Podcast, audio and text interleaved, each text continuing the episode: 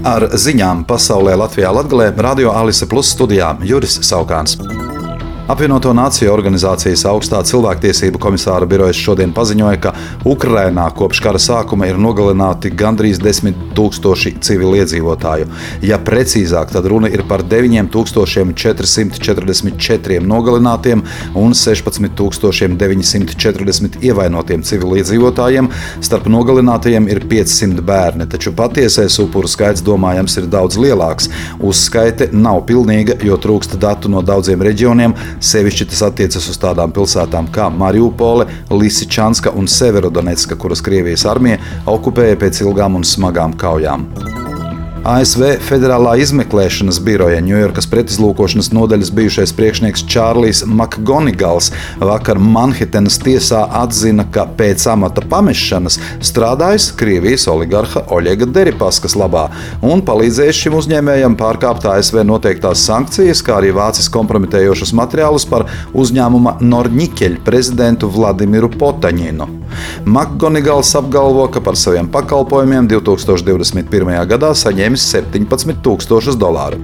ASV noteica sankcijas Deripaskam pirms pieciem gadiem, apsūdzot šo oligarhu, ka viņš pārstāv Krievijas valsts varas intereses, pārvalda Krievijas prezidenta Vladimira Putina aktīvus un atmazgā naudu viņa labā.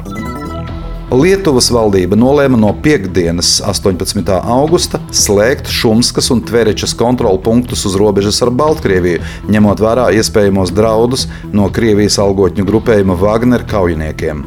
Lietuvā pie Baltkrievijas robežas turpinās darboties kontrolu punkti Medininkos, Lavorišķos, Raigardā un Šalčiņinkos.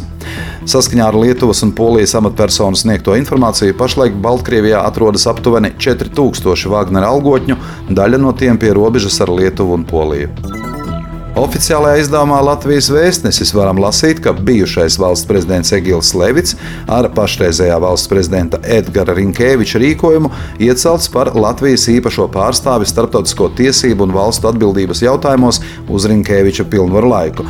Īpašajam pārstāvim starptautisko tiesību un valstu atbildības jautājumos savi pienākumi jāveic saziņā ar valsts prezidentu. Sēsdien un Svētdien Reizeknes un Ludzas novados norisināsies Zemesardzes 3. Latvijas brigādes 32. kājnieku bataljona lauka taktiskais vingrinājums, gatavojoties rudenī gaidāmajām visaptvarošas valsts aizsardzības mācībām Namēs 2023. Mācību laikā notiks īslaicīga karavīru un zemesargu izvēršanās apvidū, kā arī militāra transporta pārvietošanās pa koplietošanas un piegulošajiem mazākas nozīmes ceļiem.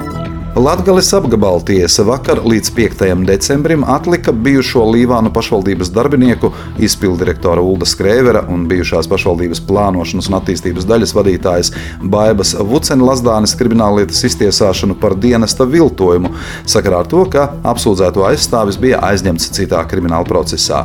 Iepriekš Daugopils tiesa par dienesta viltojumu šiem apsūdzētajiem bija piespriedusi sabiedrisko darbu un naudas sodu, spriedums tika pārsūdzēts. Sijā Jākapils reģionālā slimnīca valdes priekšstādātājs Ervīns Keišs informē, ka, lai kompensētu augošās izmaksas, slimnīcai radikāli jāpalielina maksas pakalpojumu sadaļa. Jau šobrīd slimnīcas vadība būtiski, proti par 198,364 eiro, jeb 36,3%, ir palielinājusi slimnīcas nopelnīto līdzekļu sadaļu. Tie pamatā ir maksas pakalpojumi un ieņēmumi no saimnieciskās darbības, kuru cena atbilst tirgus tirgus situācijai un pārsniedz valsts noteikto pakalpojumu tarifu. Daugopilī no 1. oktobra palielināsies maksa par ūdens saimniecības pakalpojumiem. Par to liecina paziņojums oficiālā izdevumā Latvijas vēstnesis. Ūdens cena no oktobra Daugopilī pieaugs par 12,9% un sasniegs 1,05 eiro par kubikmetru bez pievienotās vērtības nodokļa. Savukārt kanalizācijas tarifs palielināsies par 3,5% un būs 1,19 eiro par kubikmetru bez PVN. Attiecīgie ūdens saimniecības pakalpojumu tarifi būs spēkā līdz 2025. gada 3. 30. septembrim. Ar ziņām studijām bija Juris Saukāns. Projekta Ziņas bez robežām pasaulē Latvijā Latgalē ietvaros šo ziņu izlaidumu finansē Mediju atbalsta fonds.